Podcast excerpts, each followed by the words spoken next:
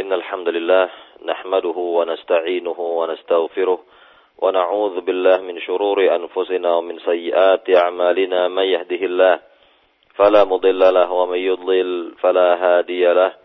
أشهد أن لا إله إلا الله وحده لا شريك له. وأشهد أن محمدا عبده ورسوله. يا أيها الذين آمنوا اتقوا الله حق تقاته ولا تموتن إلا وأنتم مسلمون. يا أيها الناس اتقوا ربكم الذي خلقكم من نفس واحدة وخلق منها زوجها وبث منهما رجالا كثيرا ونساء. واتقوا الله الذي تساءلون به والأرحام. إن الله كان عليكم رقيبا. يا أيها الذين آمنوا اتقوا الله وقولوا قولا سديدا. يصلح لكم أعمالكم ويغفر لكم ذنوبكم. ومن يطع الله ورسوله فقد فاز فوزا عظيما أما بعد فإن أصدق الحديث كتاب الله وخير الهدي هدي محمد صلى الله عليه وسلم وشر الأمور محدثاتها وكل محدثة بدعة وكل بدعة ضلالة وكل ضلالة في النار Para pendengar di Roja yang dimuliakan Allah Subhanahu wa taala, alhamdulillah di pagi hari ini kita bisa kembali menyimak dan mendengarkan pembahasan dari kitab Al-Aqidatu Awwal Law Kanu Ya'lamun. Aqidah terlebih dahulu jika mereka mengetahui buah karya Syekh Salih Abdul Wahid hafizahullah taala yang telah kita jelaskan pada pembahasan yang terakhir adalah mengenai keimanan kepada para rasul. Keimanan kepada para rasul di mana telah kita jelaskan keutamaan-keutamaan dan keistimewaan-keistimewaan para rasul bahwa mereka memiliki keistimewaan-keistimewaan di antaranya al uh, yakni al-wahyu. Yani mereka mendapatkan wahyu dari Allah Subhanahu wa taala, mendapatkan ya, wahyu dari Rabbul Alamin dan ini tidaklah diberikan kepada yang lainnya dan hanya kepada para rasulnya sebagaimana Allah Subhanahu wa taala berfirman dalam surat Al-Anbiya, dalam surat Al-Kahfi ayat 110 ataupun dalam surat Al-Anbiya ayat yang ketujuh di mana Allah Subhanahu wa taala berfirman dalam surat Al-Kahfi ayat 110 Qul innama ana bashar Qul innama ana basharum mithlukum yuha ilayya annama ilahukum ilahu wahid. Katakanlah wahai Muhammad, sungguhnya aku ini adalah manusia biasa sama seperti kalian, namun diberikan wahyu kepada diriku bahwa sungguhnya ilah kalian adalah ilah yang esa.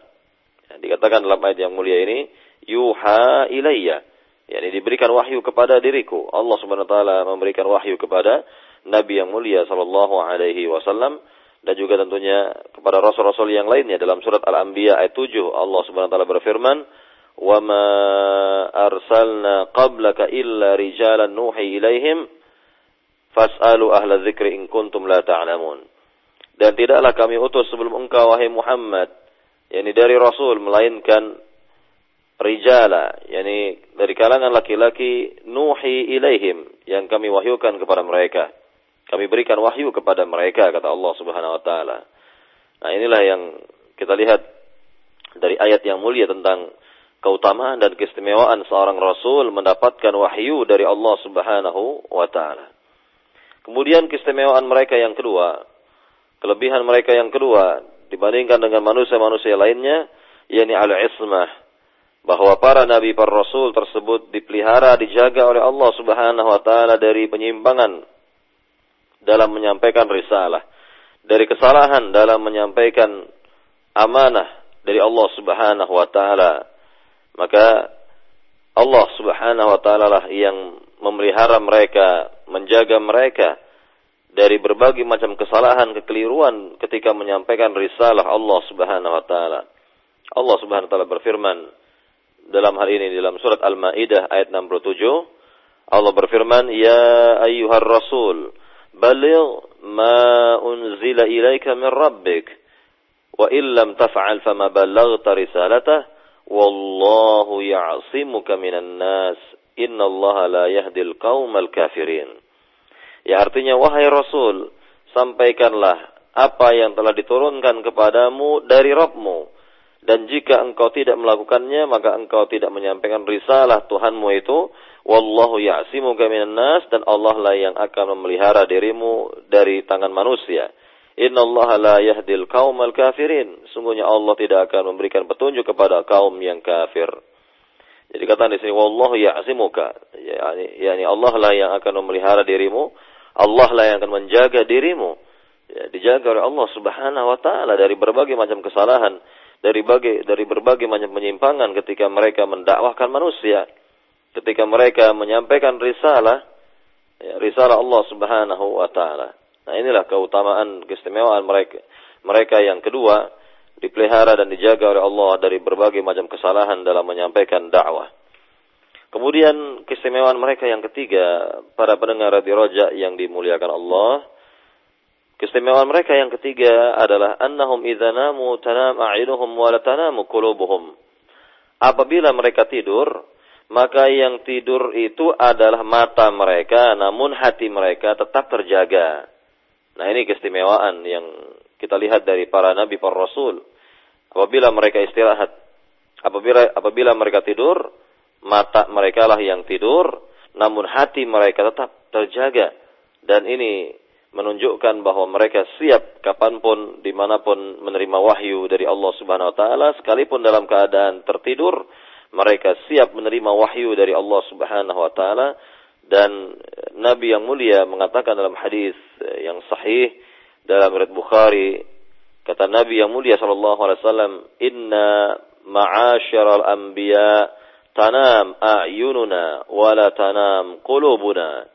Sungguhnya kami para nabi tertidur mata kami atau tidur mata kami namun hati kami tetap terjaga, tidaklah tidaklah tertidur. Atau dikatakan dalam hadis yang lain Nabi katakan tanamu aini wala yanamu qalbi. Mataku inilah yang tertidur namun hatiku tidaklah tertidur. Nah, ini tetap terjaga. Tetaplah terjaga hati para nabi, para rasul tidak ikut tidur ya, bersama mata mereka. Ini keistimewaan yang ketiga.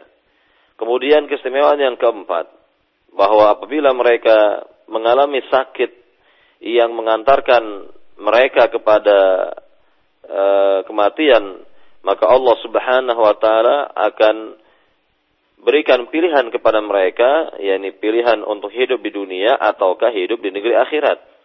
Dan sudah barang tentu bahwa mereka semua adalah yakni pasti memilih kehidupan yang abadi, kehidupan yang jauh lebih baik, kehidupan di negeri akhirat. Mereka akan memilih ya, akhirat daripada kehidupan dunia sebagaimana uh, Nabi yang mulia sallallahu alaihi wasallam menjelaskan hal ini dalam riwayat Bukhari Muslim. Kata Nabi yang mulia, "Ma min nabiyyin yamrad illa khayyar baina dunya wal akhirah." Tidaklah seorang nabi sakit yakni yang mengantarkan kepada kematiannya atau sakit dalam hal sakratul maut dalam keadaan naza' melainkan akan diberikan pilihan oleh Allah yaitu antara kehidupan dunia ataukah kehidupan akhirat. Antara kehidupan dunia atau kehidupan akhirat. Dan ini pula yang e, berlaku bagi Nabi kita Muhammad SAW e, sebagaimana dikatakan oleh salah seorang istri Nabi yaitu Aisyah radhiyallahu taala anha kata Aisyah والرسول صلى الله عليه وسلم في المرض الذي قبض فيه أخذته بجة شديدة فسمعته يقول مع الذين أنعم الله عليهم من النبيين والصديقين والشهداء والصالحين تقول فعلمت أنه خير فاختار الرفيق الأعلى Kata Aisyah radhiyallahu taala an, tatkala Nabi Muhammad sallallahu alaihi wasallam sakit yang mana sakitnya ini mengantarkan beliau kepada kematiannya, maka aku mendengar beliau berucap, beliau bersabda, yaitu bersama orang-orang yang telah Allah berikan nikmat dari kalangan para nabi, dari kalangan siddiqin, dari kalangan syuhada dan orang-orang salih. Kemudian Aisyah berkata di sini, maka aku mengetahui bahwa Nabi telah memilih dengan pilihan yang tepat yaitu memilih ya di sisi Allah yang maha tinggi. Memilih pilihan untuk ya, di sisi Allah ya, yakni fakhtar ar-rafiq al-a'la memilih pilihan yakni berada di sisi Allah Subhanahu wa taala yang maha tinggi. Nah, inilah yang kita lihat dari keterangan Aisyah radhiyallahu taala anha bahwa Nabi Muhammad sallallahu alaihi wasallam nabi akhir zaman memilih pilihan yang tepat yaitu memilih kehidupan negeri akhirat dan tidak memilih kehidupan dunia. Nah, ini mengenai keistimewaan mereka yang keempat, mereka diberi pilihan terlebih dahulu oleh Allah sebelum wafatnya. Sebelum meninggalnya, apakah memilih kehidupan dunia maka akan dipanjangkan umurnya oleh Allah atau kehidupan negeri akhirat yang memang itulah yang menjadi pilihan semua para nabi, semua para rasul. Kemudian keutamaan mereka yang kelima dikatakan bahwa annahum yudfanuna fil makan alladhi yamutuna fih. Mereka akan dimakamkan. Jasadnya para nabi akan dimakamkan di mana mereka wafat sehingga tidak boleh dipindah-pindah jasad mereka tidak boleh dipindah-pindah di mana mereka wafat, nah di sanalah dimakamkan. Nah inilah keistimewaan yang kita lihat dari eh, para nabi, para rasul, sehingga ketika Nabi Muhammad Shallallahu Alaihi Wasallam wafat, maka beliau wafat di rumah Aisyah dan di sanalah dimakamkan dan tidak dipindah ke pemakaman umum umat Islam, yaitu di Baqi al-Gharqad. Tetap dimakamkan di, di mana beliau wafat yaitu di rumah Aisyah radhiyallahu taala anha. Dan inilah yang e, menjadi keistimewaan kekhususan e, para nabi para rasul e, dikarenakan Allah Subhanahu wa taala yang me, yakni menghendaki mereka wafat di tempat yang dikehendaki oleh Allah dan di sanalah Allah berkeinginan ya, yakni jasad nabinya dimakamkan jasad nabinya dikuburkan maka Nabi yang mulia Shallallahu Alaihi Wasallam jauh-jauh hari telah memperingatkan umat ini untuk tidak menjadikan kuburan beliau atau kuburan orang-orang salih lainnya sebagai tempat ibadah. Sebagaimana Nabi yang mulia Shallallahu Alaihi Wasallam bersabda dalam hadis yang sahih, kata Nabi yang mulia, "La'anallahu al-yahuda wan nasara ittakhadhu kubur anbiya'ihim masajid." Semoga Allah melaknat orang-orang Yahudi dan Nasrani di mana mereka menjadikan kuburan para nabi mereka sebagai tempat ibadah. Artinya bahwa Nabi Shallallahu Alaihi Wasallam mengkhawatirkan ya, hal ini terjadi pada umatnya, sebagaimana uh, hal yang demikian terja telah terjadi pada umat-umat terdahulu seperti uh, umat Yahudi dan umat Nasrani. Maka Nabi yang mulia Shallallahu Alaihi Wasallam sangat-sangat mengkhawatirkan dan apa yang dikhawatirkan Rasul itu telah terjadi di zaman kita sekarang ini bisa kita lihat bahwa di antara umat Islam telah menjadikan kuburan atau sebagian dari kuburan-kuburan itu sebagai tempat ibadah. Sebagai tempat ibadah. Kemudian keistimewaan yang keenam kita lihat di sini dari keistimewaan yang dimiliki oleh para nabi para rasul innal arda la ta'kul ajsad al-anbiya Sungguhnya tanah tidak akan memakan jasadnya para nabi. Tanah ya, yang jelas di mana para nabi, para rasul dimakamkan di tanah. Maka tanah itu tidak akan memakan jasadnya para nabi. Sehingga jasadnya para nabi dari dahulu sampai sekarang utuh. Sempurna, tidak ada kekurangan sedikit pun juga. Karena Allah subhanahu wa ta'ala telah haramkan bagi tanah untuk memakan jasadnya para nabi. Nabi yang mulia sallallahu alaihi wasallam bersabda dalam hal ini, "Inna Allah harrama 'al ardi an ta'kula ajsad al-anbiya." Sungguhnya Allah Subhanahu wa taala telah haramkan bagi tanah untuk makan jasadnya para nabi, untuk memakan jasadnya para nabi. Sehingga kita lihat bahwa berdasarkan eh, hadis yang mulia ini semua jasadnya para rasul, jasadnya para nabi mulai dari nabi yang pertama sampai yang terakhir, mulai rasul yang pertama sampai rasul yang terakhir semuanya utuh ya, di tanah ini karena mereka dimakamkan, dikuburkan ya, di tanah semuanya utuh dan juga berkenaan dengan uh, berkenaan dengan Nabi Isa alaihissalam yang kelak akan turun ke dunia ini dan akan bersama umat Islam kurang lebih tujuh tahun lamanya beliau pun ya setelah yakni mengemban amanah ini tentunya uh, beliau akan wafat dan akan dikuburkan di tanah dan sama nasibnya seperti nabi-nabi yang lain atau rasul-rasul yang lain artinya bahwa uh, jasadnya akan utuh tidak akan tidak akan dimakan oleh tanah dan ini adalah keistimewaan, keutamaan yang Allah berikan kepada para nabi semuanya. Kemudian keistimewaan yang terakhir yang telah kita jelaskan pada pembahasan terdahulu adalah innahum ahya fi kuburihim. Sungguhnya mereka itu hidup di alam kuburnya, hidup di alam barzahnya. Dan perlu ditegaskan di sini bahwa kehidupan di alam barzah atau kehidupan di alam kubur sudah pasti berbeda dengan kehidupan di alam dunia. Tidak akan sama lagi. Berbeda dengan kehidupan di alam dunia. Walaupun dikatakan mereka, ini para nabi itu hidup di alam kuburnya, namun kehidupan yang sudah berbeda dengan kehidupan alam dunia. Nabi yang mulia sallallahu alaihi wasallam bersabda dalam hadis uh, yakni yang sahih kata Nabi yang mulia sallallahu alaihi wasallam al-anbiya'u ahya fi quburihim yusallun. Ini para nabi semuanya hidup di alam kuburnya dalam keadaan mengerjakan ibadah salat. Atau dalam riwayat Muslim Nabi katakan di sini marartu ala Musa ala Musa lailata usriya bi indal kathib al-ahmar wa huwa qa'im yusalli. Aku pernah melewati kubur Nabi Musa pada malam uh, aku diperjalankan oleh Allah Subhanahu wa taala dan aku melihat di alam kuburnya Musa berdiri dalam keadaan salat. Berdiri dalam keadaan salat. Nah, ini ya, cukup kita imani. Hadis-hadis seperti ini cukup kita imani karena berkenaan dengan masalah gaib yang tentunya kita tidak mengetahui dan akal kita tidak akan sampai kepadanya. Cukup kita imani apa yang telah sahih dari Nabi sallallahu alaihi wasallam tanpa kita menolaknya. Tanpa kita memberikan tafsiran yang bermacam-macam yang menyimpang dari tujuan hadis tersebut, ya, dari maksud hadis tersebut dan cukup kita imani, tidak perlu kita akal-akali dalam hal ini.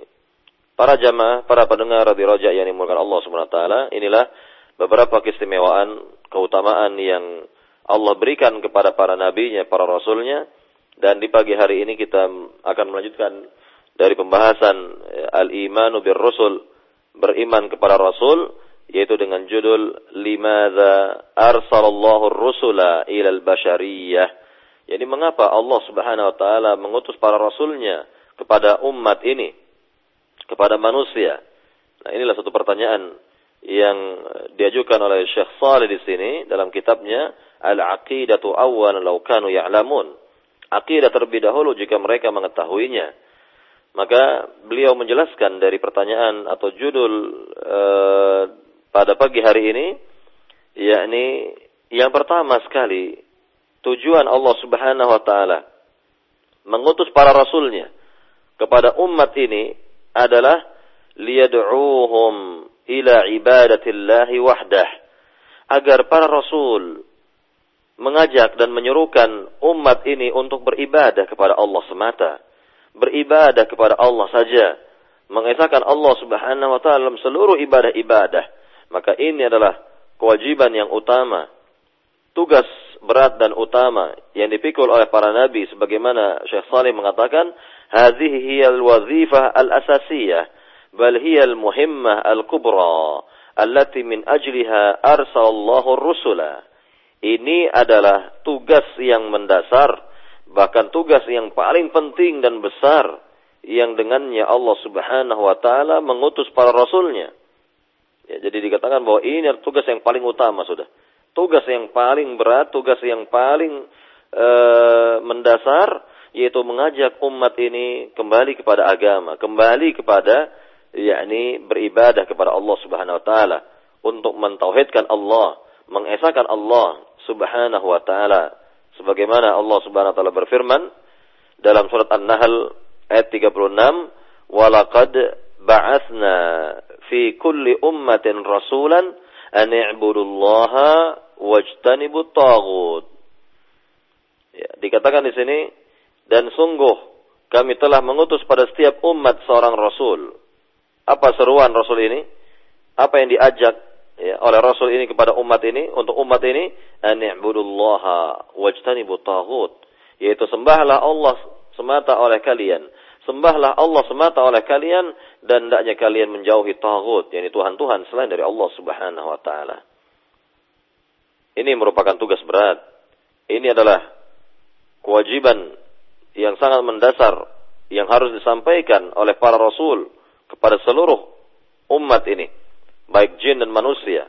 Semuanya harus yakni beribadah kepada Allah Subhanahu wa taala. Semuanya harus yakni mengesahkan Allah Subhanahu wa taala, mengikhlaskan ibadah kepada Allah Subhanahu wa taala dan tidak ada yang berbuat syirik kepada Rabbul Alamin. Para pendengar di Raja yang dimulakan Allah Subhanahu wa taala, tentunya sekali lagi mulai dari rasul yang pertama sampai rasul yang terakhir, semua tugas mereka adalah sama, yaitu mengajak manusia untuk beribadah kepada Allah semata. Terjadinya penyimpangan-penyimpangan dalam masalah akidah, maka tugas dari Nabi, tugas dari para Rasul ini adalah berupaya mengembalikan manusia kepada akidahnya, kepada tauhid, tauhidul ibadah, mengesahkan Allah Subhanahu wa taala dalam ibadah. Kemudian para jamaah yang dimulakan Allah Subhanahu wa taala, kita lihat keterangan lebih lanjut di sini oleh Syekh Salih. Fama min ummatin illa khala fiha nadhir yaqul lahum يا قوم يا قوم اعبدوا الله ما لكم من إله غيره إني لكم رسول أمين فاتقوا الله وأطيعون فيأتي الرسول من الله عز وجل يدعو الناس إلى عبادة الله يعرف الناس بخالقهم يأمرهم أن يعبدوا الله وحده. قال تعالى إن ربكم الله الذي خلق السماوات والأرض في ستة أيام ثم استوى على العرش يدبر الأمر. ما من شفيع إلا من بعد إذنه. ذلكم الله ربكم فاعبدوه. أفلا تذكرون؟ Dikatakan oleh Syekh Salih di sini, tidaklah ada satu umat melainkan ada yang memberikan peringatan kepada mereka. Ini ada rasulnya, ada seorang nabi yang akan memberikan peringatan kepada mereka semua. Sebagaimana yakni nabi atau rasul ini mengatakan kepada kaumnya, Wahai kaumku, sembahlah Allah semata dan tidak ada bagi kalian Tuhan selain dari Allah. Sungguhnya aku adalah utusan Allah yang terpercaya bagi kalian, maka bertakwalah kalian kepada Allah dan taatilah diriku. Maka datanglah seorang rasul yang diutus oleh Allah Subhanahu wa taala untuk menyerukan manusia kepada beribadah ya, kepada Allah Subhanahu wa taala, kemudian mengenalkan mereka yakni kepada Sang Pencipta dan memerintahkan mereka untuk beribadah kepada Allah semata sebagaimana Allah berfirman dalam surat Yunus ayat 3 Inna rabbakumullahu alladhi khalaqas samawati wal arda fi sittati ayyam thumma stawa 'alal 'arsy Sungguhnya Rabb kalian itu adalah Allah yang telah menciptakan langit-langit dan bumi dalam enam hari. Kemudian Allah bersemayam di atas arsy-Nya dan Allah yakni mengatur segala urusan dan tidaklah ada yang dapat memberikan syafaat kecuali setelah diizinkan oleh Allah. Dzalikumullahu rabbukum. Yang demikian itulah yakni Rabb kalian fa'buduh maka sembahlah ia. Afala tadzakkarun? Tidakkah kalian mengingatnya? Yakni Allah Subhanahu wa taala terlebih dahulu menjelaskan siapa dirinya bahwa dirinya adalah zat yang telah mencipta langit dan bumi. Zat yang bersemayam di atas arusnya, zat yang mengatur semua urusan, dan zat yang memberikan syafaat kepada orang-orang yang dikehendakinya. Nah inilah ya yakni Allah Subhanahu wa taala memperkenalkan dirinya kepada makhluk ini, kepada umat manusia, kepada jin dan manusia tentang siapa dirinya. Maka Allah lah yang pantas untuk disembah. Maka dikatakan zalikumullahu rabbukum fa'buduh yang demikian itu adalah Rabb kalian, yakni Allah sebagai Rabb kalian, maka sembahlah ia, beribadahlah kepadanya. Ya, nah ini ya, perintah dari Allah Subhanahu wa taala yang sebelumnya Allah Subhanahu wa taala telah memperkenalkan dirinya dengan menunjukkan kekuasaan-kekuasaannya dari penciptaan langit dan bumi dan seterusnya. Maka Allah lah yang pantas untuk disembah. Allah lah yang pantas untuk diibadahi. Nah, ini yang diterangkan oleh para rasul kepada umat manusia agar mereka kembali beribadah kepada Allah, agar mereka kembali mentauhidkan Allah Subhanahu wa taala dan tidak berbuat syirik dalam hidup ini. Kemudian kita lihat tugas rasul yang kedua dikatakan oleh Syekh Salih liyuballighun nas dinallah. Yani agar mereka dapat menyampaikan agama Allah kepada manusia, mengajarkan agama Allah kepada manusia, membimbing mereka kepada agama yang benar. Mengarahkan mereka, memberi petunjuk kepada mereka kepada jalan yang benar, kepada agama yang hak, kepada agama yang benar ini. Dan ini adalah tugas berat seorang rasul, ya, amanah yang dipikul oleh seorang rasul menyampaikan agama Allah Subhanahu wa taala sesuai dengan apa yang dikehendaki oleh Allah. Dan dikatakan di sini oleh Syekh Salih, "Fallahu azza wa jalla awha ila rusuli bitabligh risalah, fahum yaqumuna bitablighiha duna ziyadah wala nuqsan." Allah Subhanahu wa taala telah wahyu telah wahyukan kepada para rasulnya untuk menyampaikan risalah agar mereka benar-benar menyampaikan risalah tanpa tambahan dan tanpa pengurangan. Jadi apa yang telah diterangkan oleh Allah, apa yang telah diberikan oleh Allah, nah, itulah yang akan disampaikan kepada umat ini, kepada manusia tanpa adanya tambahan, tanpa adanya pengurangan sama sekali. Dan benar-benar apa yang yakni diinginkan oleh Allah semuanya dilaksanakan, semuanya dikerjakan oleh para nabi para rasul dengan sebaik-baik tugas yang tentunya mereka kerjakan ya, ketika uh, hidup di dunia mendapatkan uh, perintah dari Allah Subhanahu wa taala ini. Nah, di sini dibawakan dalil yang menjelaskan hal ini dalam surat Al-Maidah ayat uh, 67. Allah Subhanahu wa taala berfirman, "Ya ayyuhar rasul, ya ayyuhar rasul, balligh ma unzila ilaika min rabbik." Wa, wa illam taf'al fama ballaghta risalata Wahai Rasul, sampaikanlah apa yang telah diturunkan kepadamu dari Rabbmu. Dan jika engkau tidak mengerjakannya, maka engkau tidak menyampaikan risalah Tuhanmu itu. Ayat yang mulia ini menjelaskan tentang eh, bagaimana Rasulullah SAW diperintah oleh Allah untuk menyampaikan apa adanya yang datang dari Rabbul Alamin. Yang datang dari Allah Subhanahu Wa Taala tanpa memberikan tambahan, tanpa memberikan, uh, tanpa mengurang-urangi apa yang telah diturunkan oleh Allah Subhanahu wa taala kepada seorang rasulnya. Maka kita lihat di sini keterangan lebih lanjut dari Syekh Salih wa fi hadza dalil ala anna al-insana idza iltazam ma nuzila min min Allah uh, ala rasulih min kitab wa sunnah sahihah وبلغها إلى الناس فالله عز وجل حفظه من الناس والله عز وجل يحول بينه وبين أذى الناس ويتولى الدفاع عنه. قال تعالى عن نوح عندما دعا قوم إلى عبرة الله فقالوا له قال الملأ من قومه إنا لنراك في ضلال مبين. قال يا قوم ليس بي ضلالة ولكني رسول من رب العالمين. أبلغكم رسالات ربي وأنصح لكم وأعلم من الله ما لا تعلمون. Dikatakan di sini bahwa ayat yang di atas tadi merupakan petunjuk bahwa manusia apabila komitmen terhadap apa yang telah diturunkan oleh Allah kepadanya, yakni melalui Rasulnya, sekali lagi bahwa dalil di atas atau ayat di atas ini menunjukkan bahwa manusia apabila komitmen terhadap apa yang diturunkan dari Allah kepada Rasulnya, yakni dari kitab maupun sunnah yang sahih, dan menyampaikannya kepada manusia, maka Allah akan menjaga dirinya Allah Subhanahu wa taala akan memeliharanya dari gangguan manusia. Allah lah yang akan membelanya sebagaimana Allah e, berfirman kepada Nuh ketika Nabi Nuh mendakwahkan kaumnya kepada agama Allah untuk beribadah kepada Allah, Allah berfirman yakni dalam surat Al-A'raf ayat 60 sampai 62. Qala al-mala'u min qaumihi inna lanaraka fi dhalalin mubin. Berkatalah tokoh-tokoh kaum Nuh kepada Nuh, ya, sungguhnya kami melihat engkau wahai Nuh dalam kesesatan yang nyata. Kala Nuh berkata kepada mereka, Ya kaumi, wahai kaumku, laisa bi dalalah, walakinni rasulun min rabbil alamin. Aku ini tidak dalam keadaan sesat. Aku ini bukanlah orang yang sesat. Namun aku ini adalah utusan Rabbul Alamin utusan Rabb alam semesta. Uballighukum risalati Rabbi wa ansahu lakum wa alam min Allah ma la ta'lamun. Aku sampaikan kepada kalian risalah Tuhanku dan aku nasihatkan untuk kalian dan aku mengetahui dari Allah apa-apa yang kalian tidak ketahui.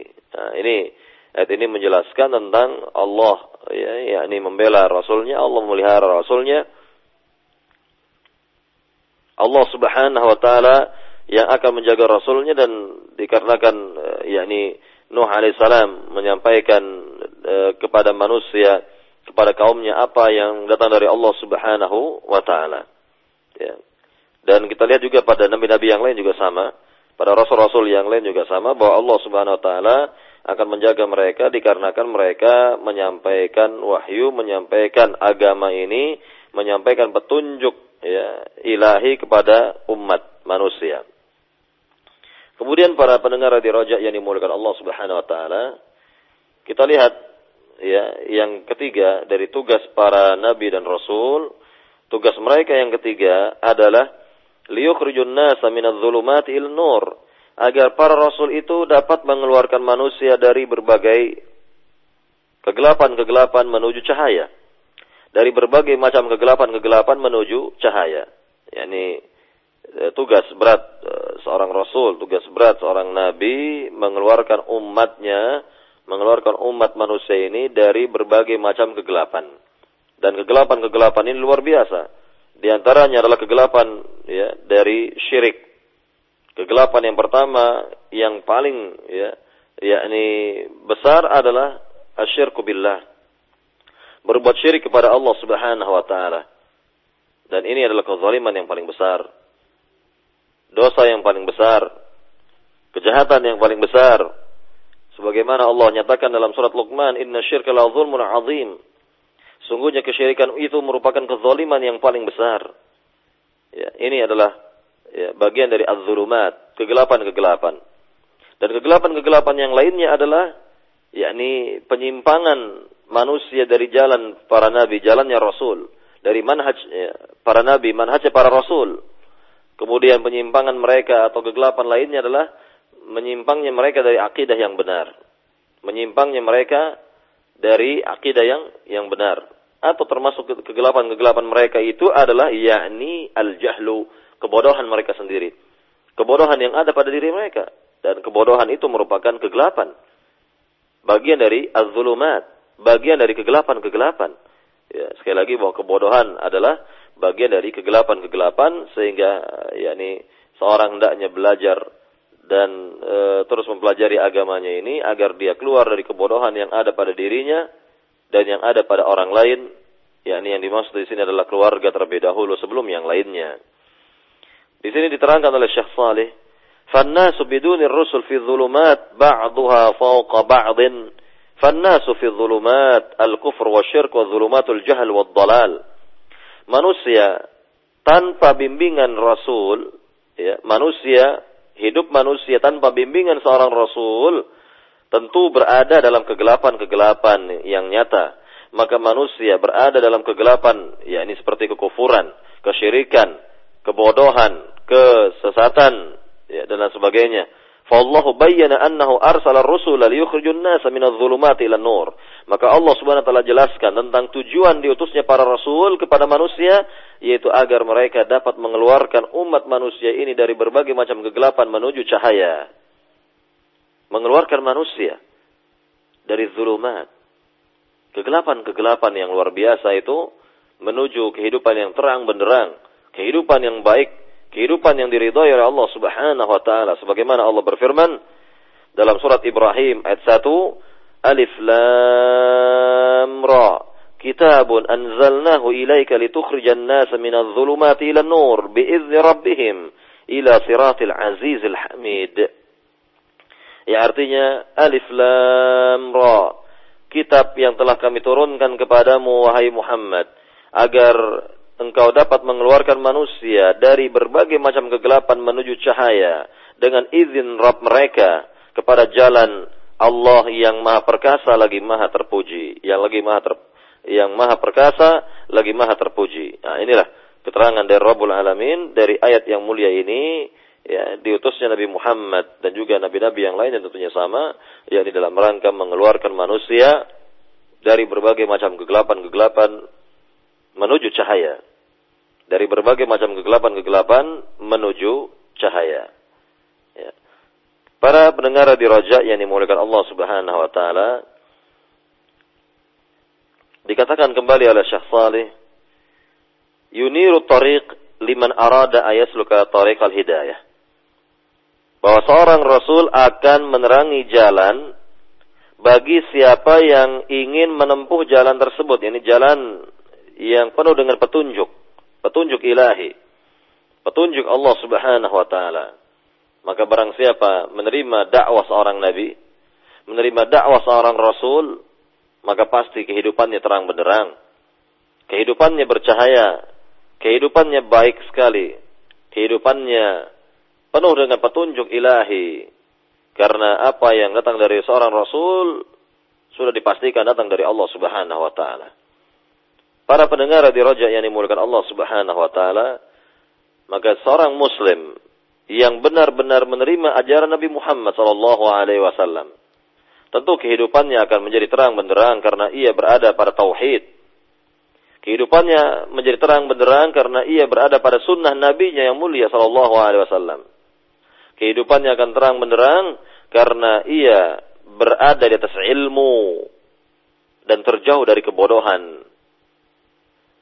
Kehidupannya akan terang benderang karena ia berada pada petunjuk-petunjuk Nabi Muhammad sallallahu alaihi wasallam. Berada pada arahan-arahan Nabi yang mulia sallallahu alaihi wasallam.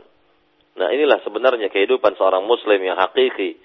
Kehidupan yang eh, sebenarnya bahwa ia Eh, berada pada kehidupan yang terang benderang, kehidupan yang eh, baik, ya, terjauh dari berbagai macam zulumat, kegelapan-kegelapan dalam hidup ini. Para pendengar di Raja yang dimuliakan Allah Subhanahu wa taala, inilah semestinya yang ada pada diri seorang muslim bahwa hidupnya itu di yakni diberikan cahaya oleh Allah Subhanahu wa taala. Kehidupannya menjadi terang benderang dan tidak gelap, maka mereka-mereka yang tidak mau yakni belajar ilmu agama ini yang telah diturunkan oleh Allah Subhanahu wa taala kepada Nabi dan yang telah dipraktekkan oleh para sahabat radhiyallahu taala anhum ajma'in maka pastilah kehidupannya berada dalam zulumat, kegelapan-kegelapan yang banyak. Nah, dikatakan di sini oleh Syekh Salih kembali Farrusul ja'u ila al-bashariyah liyanquluhum aw liyanqiluhum min adh-dhulumat ila an-nur bi idzni rabbihim maka para rasul semuanya datang mendakwahkan kepada umat manusia ini agar mereka dapat memindahkan mereka agar para nabi, para rasul dapat memindahkan manusia-manusia itu dari berbagai macam kegelapan menuju cahaya dengan izin Allah Subhanahu wa taala. Ya, dikatakan lagi di sini, "Fanzuru ma'iya ibadallah." Ya, lihatlah kemari bersamaku wahai hamba-hamba Allah ila al-alim ila fi hadha zaman al-ajib atau ila al-alam fi hadha zaman al-ajib وصل إلى ما وصل من التقدم والحضارة ومع ذلك يتخبطون في الظلمات lihatlah kepada zaman sekarang yang penuh keanehan aneh yang penuh dengan keanehan ini di mana manusia di zaman sekarang sampai kepada kemajuan uh, yakni menuju kepada peradaban yang luar biasa. Namun mereka justru terjatuh dalam kegelapan-kegelapan. Ya dikatakan lima mengapa demikian? Li'annahum salaku tariqan ghaira tariqir rusul. Dikarenakan mereka menempuh jalan yang bukan jalannya para rasul. Nah ini jawabannya. Bahwa mereka betul di zaman modern ini berada pada puncak peradaban yang luar biasa, namun mengapa hidup mereka justru dalam kegelapan-kegelapan? Ya, maka jawabannya tadi dikatakan oleh Syekh Saleh bahwa mereka telah menempuh jalan yang bukan jalannya para nabi. Mereka telah menempuh jalan yang bukan jalannya para rasul. yakni mereka menempuh jalan masing-masing. Bukanlah jalannya seorang rasul yang mereka ikuti bukanlah jalannya seorang nabi yang mulia yang mereka ikuti. Namun mereka mengikuti jalan mereka masing-masing yang mereka kira itu adalah jalan kebenaran, namun sebenarnya itu adalah jalan yang menyimpang. Dan ketahuilah yang namanya kebenaran itu hanya satu. Nabi kita satu. Ini diutus oleh Allah SWT seorang diri di akhir zaman ini. Dan Al-Quran yang diturunkan juga satu. Sunnah Nabi juga satu berasal dari beliau saja. Maka kebenaran adalah satu, tidaklah berbilang. Sehingga yang kita lihat di zaman sekarang ini banyak manusia ini banyak dari kaum muslimin yang mengambil jalan mereka masing-masing, menempuh jalan masing-masing yang dikira dapat memberikan keselamatan, membawa keselamatan, namun yang terjadi adalah kebalikannya. Bahwa jalan yang mereka tempuh adalah jalan yang menyimpang. Bukan jalannya Nabi Muhammad sallallahu alaihi wasallam. Bukan jalan yang ditempuh oleh para sahabat. Para sahabat radhiyallahu taala anhum majma'in. Namun jalan yang mereka pilih adalah jalan yang penuh dengan kegelapan-kegelapan. Para pendengar di Roja yang dimulakan Allah Subhanahu wa taala, inilah yang kita lihat ya, li'annahum salaku tariqan ghaira tariqir rusul. Kemudian dikatakan lagi di annahum lam yastajibu rusul. Dikarenakan mereka itu tidak menerima atau tidak mengijabahkan dakwahnya Rasul. Tidak menerima dakwahnya Rasul, mengabaikan dakwahnya Rasul, ya, mengabaikan da, yakni dakwahnya dakwahnya Rasul. Maka terjadilah apa yang telah terjadi di muka bumi ini, di muka bumi ini dari berbagai macam kegelapan-kegelapan yang luar biasa, penyimpangan-penyimpangan yang banyak sekali dalam bidang akidah, dalam bidang ibadah, muamalah dan lain sebagainya. Inilah kita lihat fenomena yang nyata di hadapan kita, bukti-bukti yang jelas di hadapan mata kita ini, ya, terjadinya berbagai macam penyimpangan dikarenakan mereka tidak menempuh jalannya Nabi Muhammad SAW. Tidak mengikuti petunjuknya Nabi Muhammad. Padahal Nabi telah mengatakan kepada kita, wa khairul hadi hadi Muhammadin sallallahu alaihi wasallam dan sebaik-baik petunjuk adalah petunjuknya Muhammad sallallahu alaihi wasallam. Nah, inilah yang diabaikan oleh mereka. Tidak mereka dengar yang seperti ini. Tidak mereka terapkan yang seperti ini sehingga mereka mengambil jalan masing-masing dan mereka menyimpang.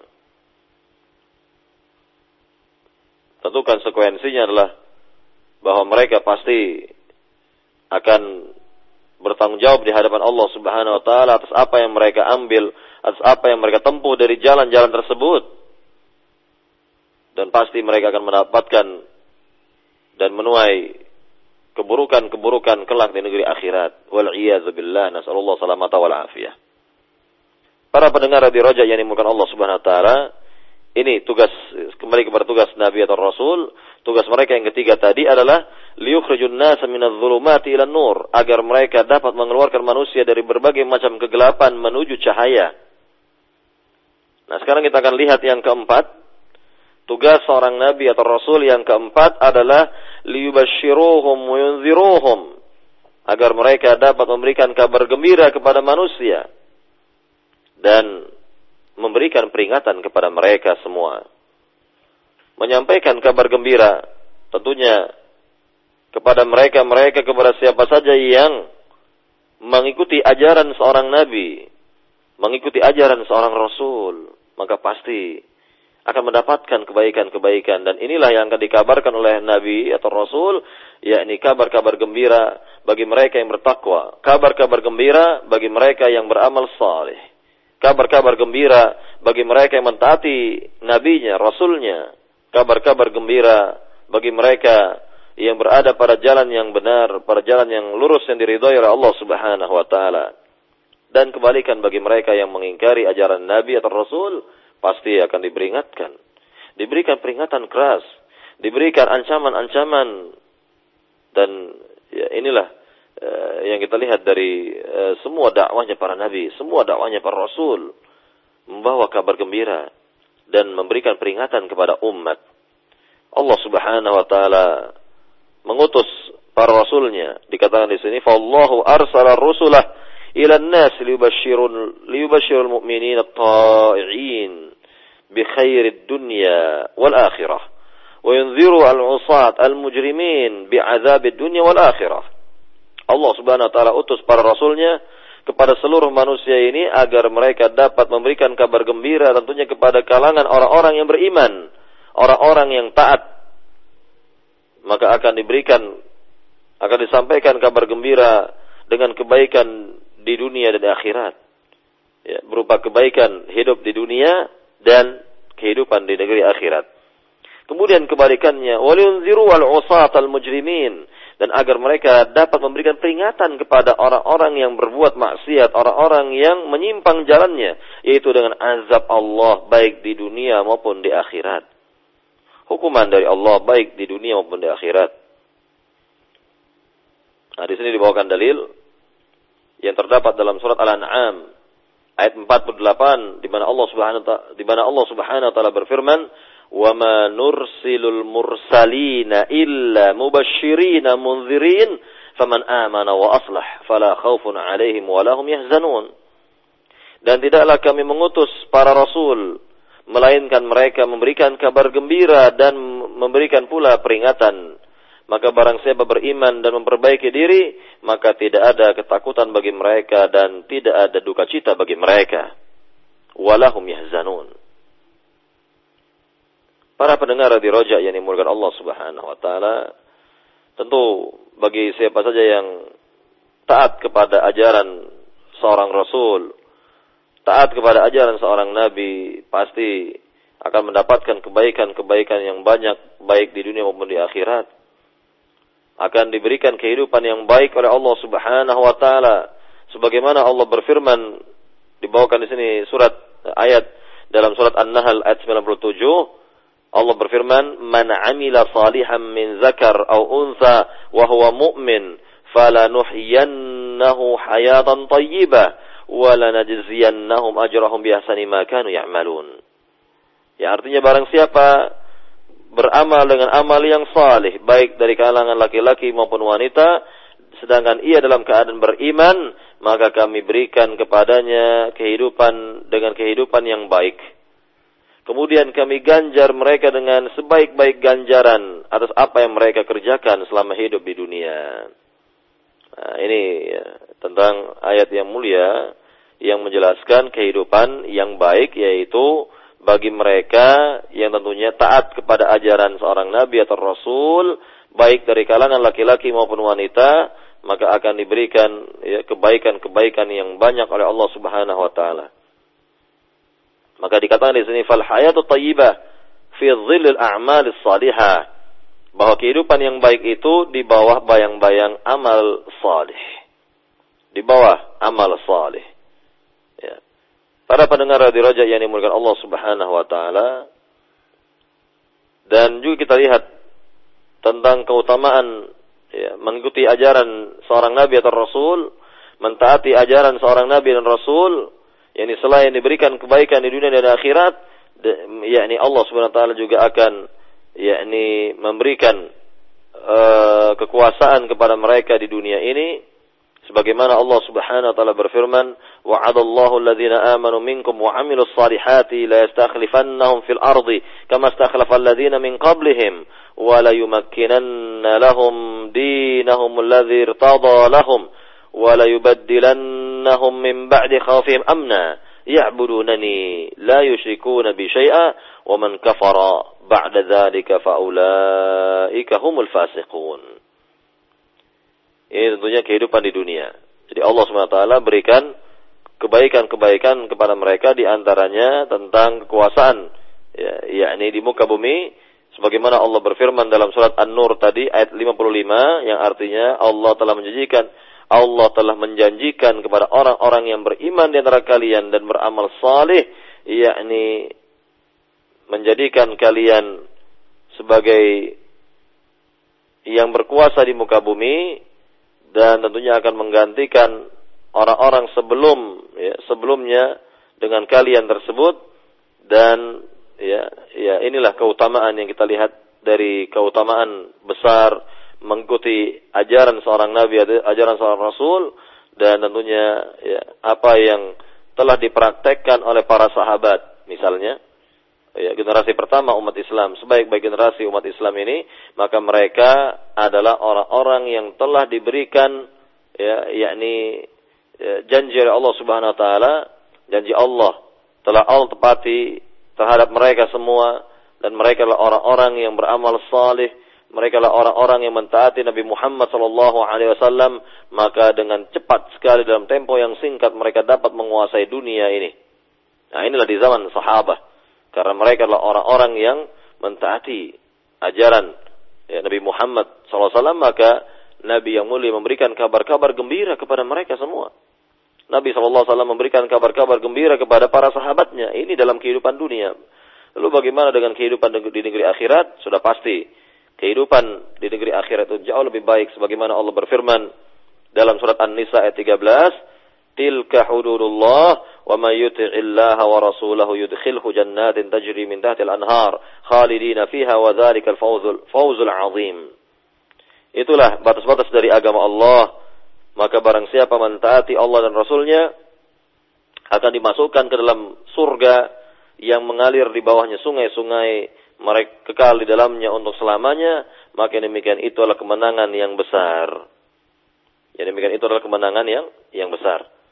Nah, ini keterangan dari Rabbul Alamin sendiri dari Allah Subhanahu wa taala tentang keberuntungan yang besar di negeri akhirat mendapatkan ya surga dimasukkan oleh Allah Subhanahu wa taala ke dalam surga yang mengalir padanya sungai-sungai dan ini adalah keutamaan yang sangat besar bagi siapa yang mentaati ya, Rasulnya, mentaati Nabinya dalam kehidupan di dunia ini, maka kehidupannya di negeri akhirat adalah ya, kehidupan yang e, bahagia, kehidupan yang sangat baik sekali, dan tentunya Allah Subhanahu Wa Taala ganjar ya, hambanya ini dengan ganjaran yang besar, ya, sesuai dengan apa yang dikehendaki oleh Allah Subhanahu Wa Taala.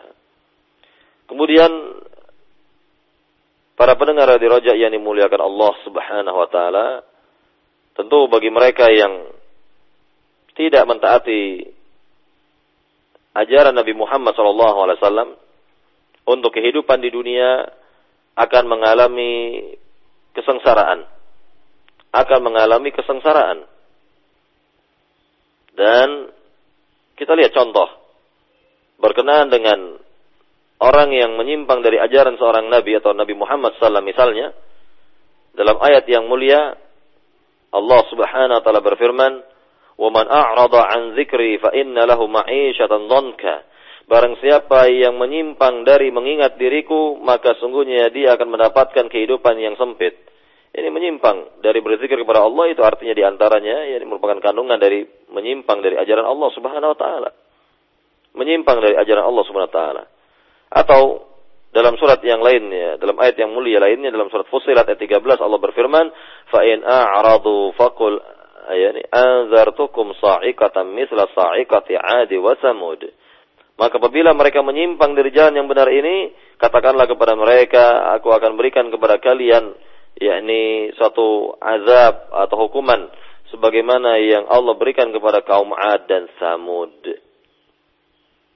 Hukuman yang luar biasa hukuman yang tidak tara yang Allah berikan kepada siapa saja yang menyimpang dari jalannya, jalan seorang nabi, jalan seorang rasul. Nah, ini kesengsaraan hidup di di, di dunia dan kesengsaraan ya, hidup di negeri akhirat dikatakan dalam uh, ayat yang mulia dalam surat An-Nisa ayat 14, "Wa may ya'sillaha wa rasulahu wa yata'adda hududah yudkhilhu naran khalidan fiha wa lahu 'adzabun muhin." Dan barang siapa berbuat maksiat kepada Allah dan Rasulnya, kemudian melampaui batasan-batasan agama Allah ini, maka akan dimasukkan kelak ke dalam neraka yang kekal di dalamnya dan baginya azab yang sangat menghinakan. Ya, dalam surat An-Nisa ayat 14. Ini mengenai uh, kesengsaraan hidup di negeri akhirat. Bagi siapa saja yang mengingkari ajaran seorang nabi, ajaran seorang rasul. Para pendengar di rojak yang dimulakan Allah Subhanahu wa taala, kita ambil satu lagi yang terakhir yang kelima sekarang berkenaan dengan tugas para nabi para rasul. Tugasnya para nabi para rasul adalah liyuqimu hujjatallahi 'alan nas agar mereka dapat menegakkan hujah atau argumentasi Allah di hadapan manusia. yakni dengan maksud bahwa kelak manusia di negeri akhirat tidak bisa lagi mengemukakan ya yakni argumentasinya di hadapan Allah Subhanahu wa taala karena apa yang telah disampaikan oleh para nabi para rasul sudah cukup semuanya. Sudah mereka sampaikan seluruhnya tidak ada yang tersembunyi dari dakwahnya seorang nabi atau rasul dan semua telah disampaikan oleh mereka kepada manusia sehingga manusia kelak di negeri akhirat tidak bisa lagi ya, berargumentasi di hadapan Allah Subhanahu wa taala. Allah Subhanahu wa taala berfirman dalam hal ini dalam surat An-Nisa ayat 165 Allah berfirman rusulan mubashshirina munzirina lialla yakuna lin-nasi 'ala Allah hujjah ba'da ar-rusul wa kana Allahu 'azizan hakima. Rasul-rasul di mana mereka memberikan kabar gembira dan peringatan kepada umat agar manusia semua tidak memiliki argumentasi di hadapan Allah kelak setelah diutusnya para rasul. Wa kana Allahu 'azizan hakima dan Allah Maha perkasa lagi Maha bijaksana.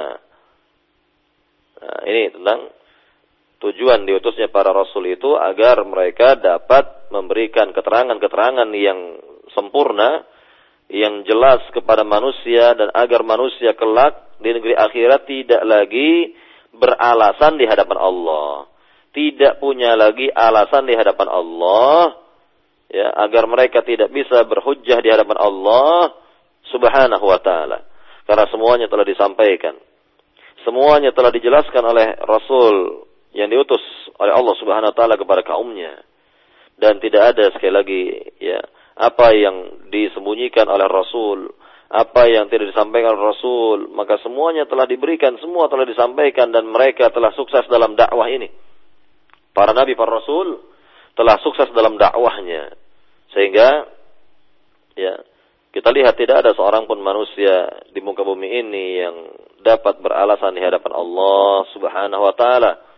Tidak ada yang dapat berargumentasi di hadapan Allah Subhanahu wa taala karena semuanya telah ya mendengarnya atau semuanya telah mengetahuinya dan apa yang disampaikan oleh seorang nabi atau rasul maka itu semua adalah ya yakni apa yang telah disampaikan oleh rasul dan atau nabinya kepada manusia ini Nah, itu semua berjalan atas kehendak Allah Subhanahu wa taala dan tentunya semuanya atas bimbingan ya, atau mendapatkan bimbingan Allah Subhanahu wa taala. Nah, tinggal umat ini mau tidak yakni mengikuti ajaran nabinya atau rasulnya jika ingin ya mengikuti ajaran nabinya atau rasulnya pasti akan mendapatkan kebaikan-kebaikan dan jika tidak maka yakni uh, kelak akan menanggung resikonya di hadapan Allah Subhanahu wa taala dan uh, inilah yang bisa kita sampaikan pada pembahasan di pagi hari ini dari tugas-tugas para nabi, para rasul. Maka kita sebutkan secara cepat, ya, secara ringkas mengenai tugas-tugas para nabi, para rasul.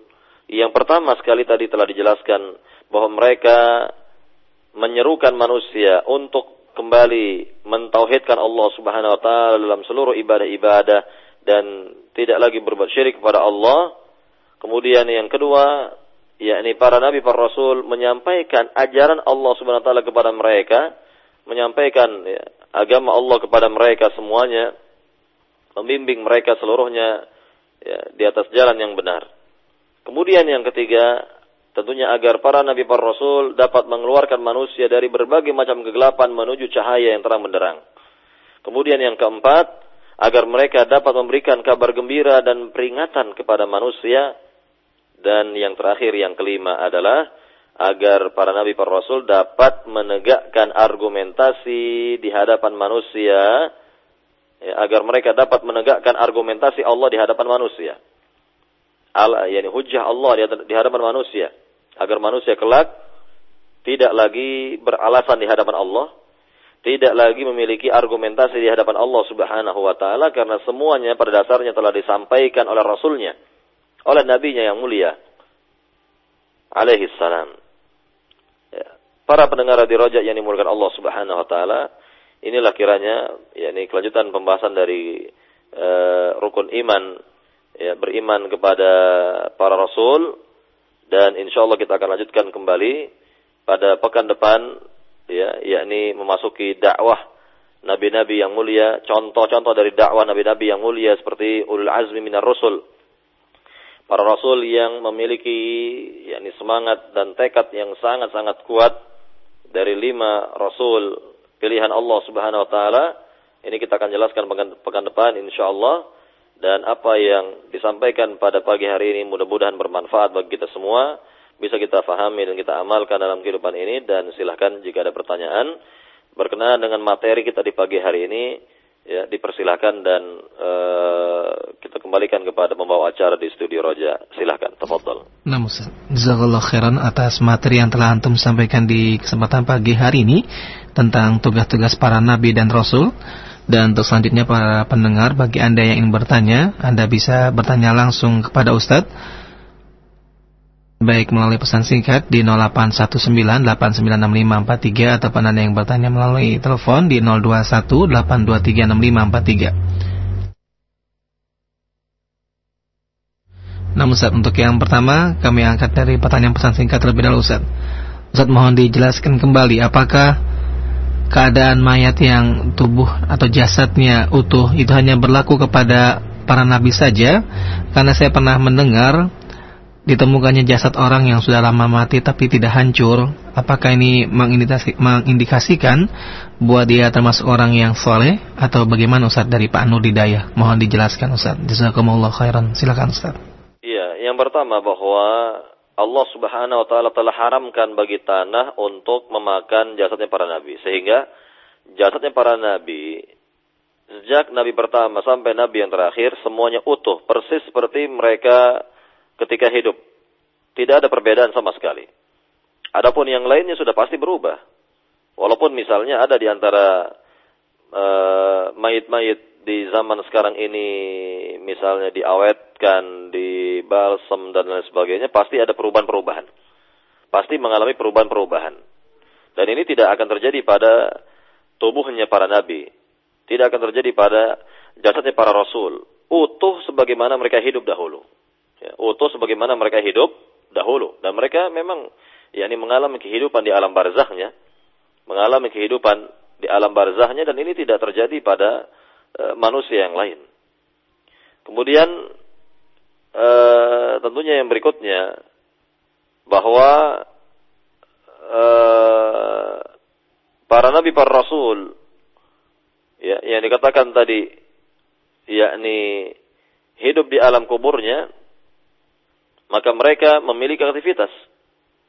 Memiliki aktivitas di alam kuburnya seperti tadi yang dijelaskan dalam hadis bahwa Nabi Muhammad melihat ya Nabi Musa di alam kuburnya sedang mengerjakan ibadah salat berdiri dengan mengerjakan ibadah salat.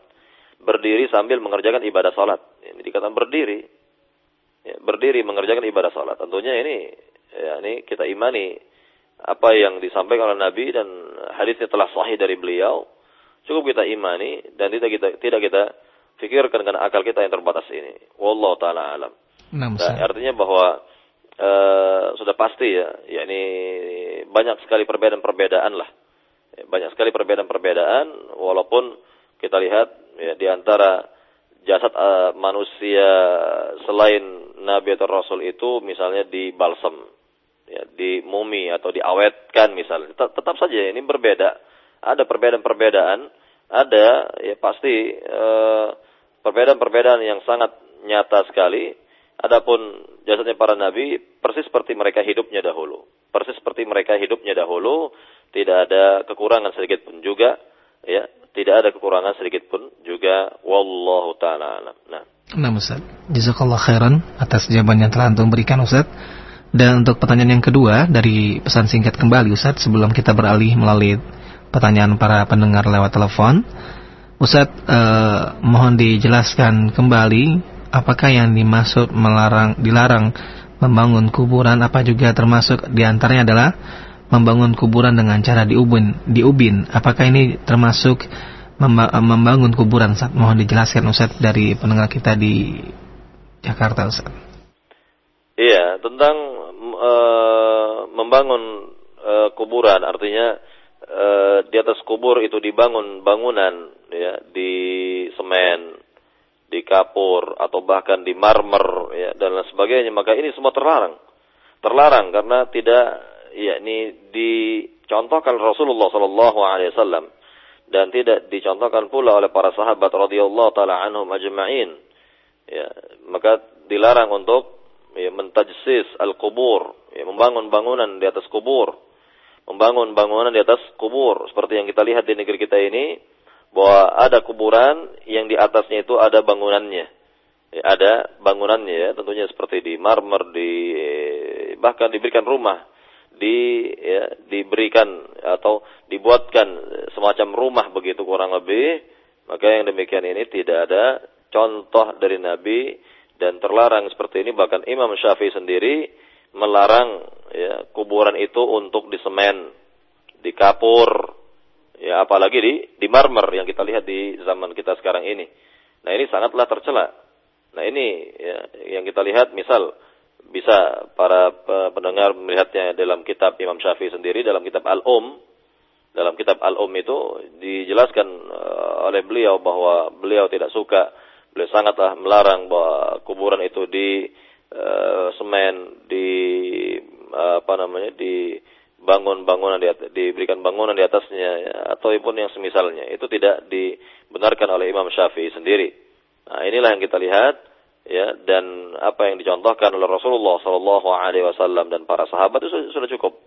Sudah cukup. Jadi cukup kuburan itu ya yakni ditandakan dengan yakni gundukan tanahnya gundukan tanahnya kurang lebih satu jengkal dalam hadis disebutkan qadra shibrin kata Nabi. Kira-kira satu jengkal gundukan tanah pusara itu.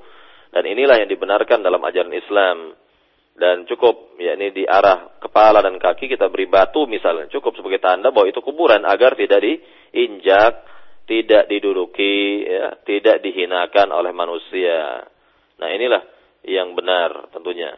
Ya, jadi sekali lagi tidak diberi apa pun di atas bangunan itu seperti di semen atau bahkan di marmer misalnya. Nah, para pendengar di rojak yang dimulakan Allah Subhanahu wa taala, kita lihat ya, misal makam-makam yang ada di wilayah Jakarta misalnya.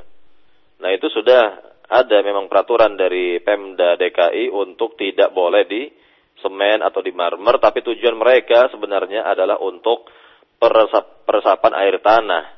Tapi sebenarnya apa yang mereka lakukan itu cocok dan sesuai dengan sunnah Rasul Sallallahu Alaihi Wasallam. Maka ini menunjukkan bahwa sunnah Nabi yang mulia itu ya sunnah Rasul sangatlah ya berdampak baik dalam kehidupan, yakni memberikan kebaikan-kebaikan dalam kehidupan. Ya sunnah Rasul apabila diterapkan itu memberikan kebaikan-kebaikan dalam kehidupan. Makanya yang kita lihat dari peraturan Pemda DKI itu sebenarnya mengacu kepada sunnah Rasul. Mengacu kepada sunnah Nabi yang mulia sallallahu alaihi wasallam. Laukanu ya'lamun jika mereka mengetahui itu. Ya, cuman kan mungkin barangkali mereka belum tahu bahwa apa yang mereka terapkan dalam peraturan ya, Pemdanya itu pada dasarnya adalah sunnah Rasul, sunnah Nabi yang mulia Shallallahu Alaihi Wasallam. Ya, ini bisa kita lihat sendiri, lihatlah saksikan sendiri kuburan-kuburan yang ada di Jakarta itu yang karena memang lahannya sangat sempit, ya sehingga mereka memperlakukan yang demikian dan ya kalaulah mengacu kepada sunnah Rasul, nah itulah ya akan memberikan ya yakni kemaslahatan bagi orang banyak kemaslahatan bagi ya, manusia semuanya dan inilah ya yang sesuai dengan akal sehat dan yang sesuai juga pula dengan fitrah manusia yang lurus ya sunnah Nabi yang mulia sallallahu alaihi wasallam wallahu taala alam. Nah, Ustaz. Jazakallah khairan Ustaz dan selanjutnya kami akan angkat dari pertanyaan para pendengar melalui telepon dengan Pak Ahmad di Sulawesi Tengah. Silakan Bapak. Assalamualaikum Ustaz. Waalaikumsalam warahmatullahi wabarakatuh uh, yang saya mau tanyakan tentang mengucapkan la ilaha illallah pak. Uh, Iya silakan bapak. Uh, kalau kita lihat uh, orang yang yang yang kita lihat boleh pak. Uh, apabila dia mati tanpa mengucapkan la ilaha illallah, apakah dia mati kafir? Ya, itu saja pak. Iya, terima kasih bapak. Ya. Assalamualaikum. Waalaikumsalam warahmatullahi wabarakatuh. Terima kasih Pak Ahmad yang ada di Sulawesi Tengah. Kepada Ustaz silakan Ustaz. Baik, eh, Nabi yang mulia Shallallahu Alaihi Wasallam memberikan petunjuk kepada kita tentang keutamaan mereka yang mengucapkan kalimat La ilaha illallah eh, sebelum wafatnya. Nabi bersabda dalam hadis yang sahih, man kana akhiru kalamihi la ilaha illallah dakhala jannah. Barang siapa akhir dari kehidupannya itu mengucapkan kalimat la ilaha illallah, maka akan masuk surga. Nah, ini adalah keutamaan yang dijelaskan oleh Rasulullah SAW, yakni bagi siapa yang dapat mengucapkan kalimat tauhid, kalimat la ilaha illallah sebelum meninggalnya, maka telah dijamin oleh Nabi yang mulia bahwa ia merupakan ahlul jannah, penghuni surga. Namun tidak bisa kita katakan kalau ya bagaimana dengan umat Islam lainnya yang memang ketika meninggal yakni e, belum sempat mengucapkan kalimat la ilaha illallah apakah dikatakan pasti masuk neraka? Nah, ini urusannya kepada Allah Subhanahu wa taala.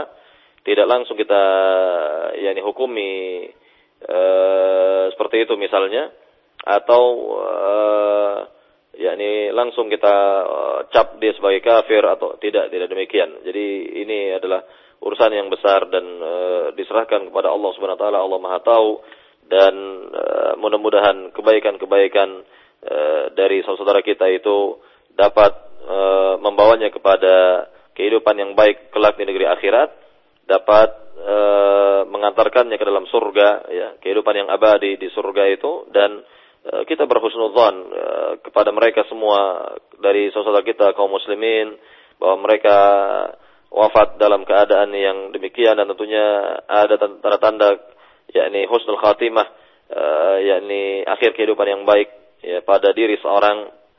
Sebagaimana yang dijelaskan oleh Rasulullah dalam hadis-hadisnya mengenai tanda-tanda husnul khatimah yang secara umum ya Nabi mengatakan contohnya bagi mereka yang wafat misalnya dalam keadaan ya, tenggelam, ya, termasuk dari husnul khatimah atau oh, meninggalnya karena tertimpa runtuhan bangunan misalnya atau karena sebab melahirkan anak ya, dari wanita yang melahirkan anaknya atau yang lain yang lainnya banyak sekali.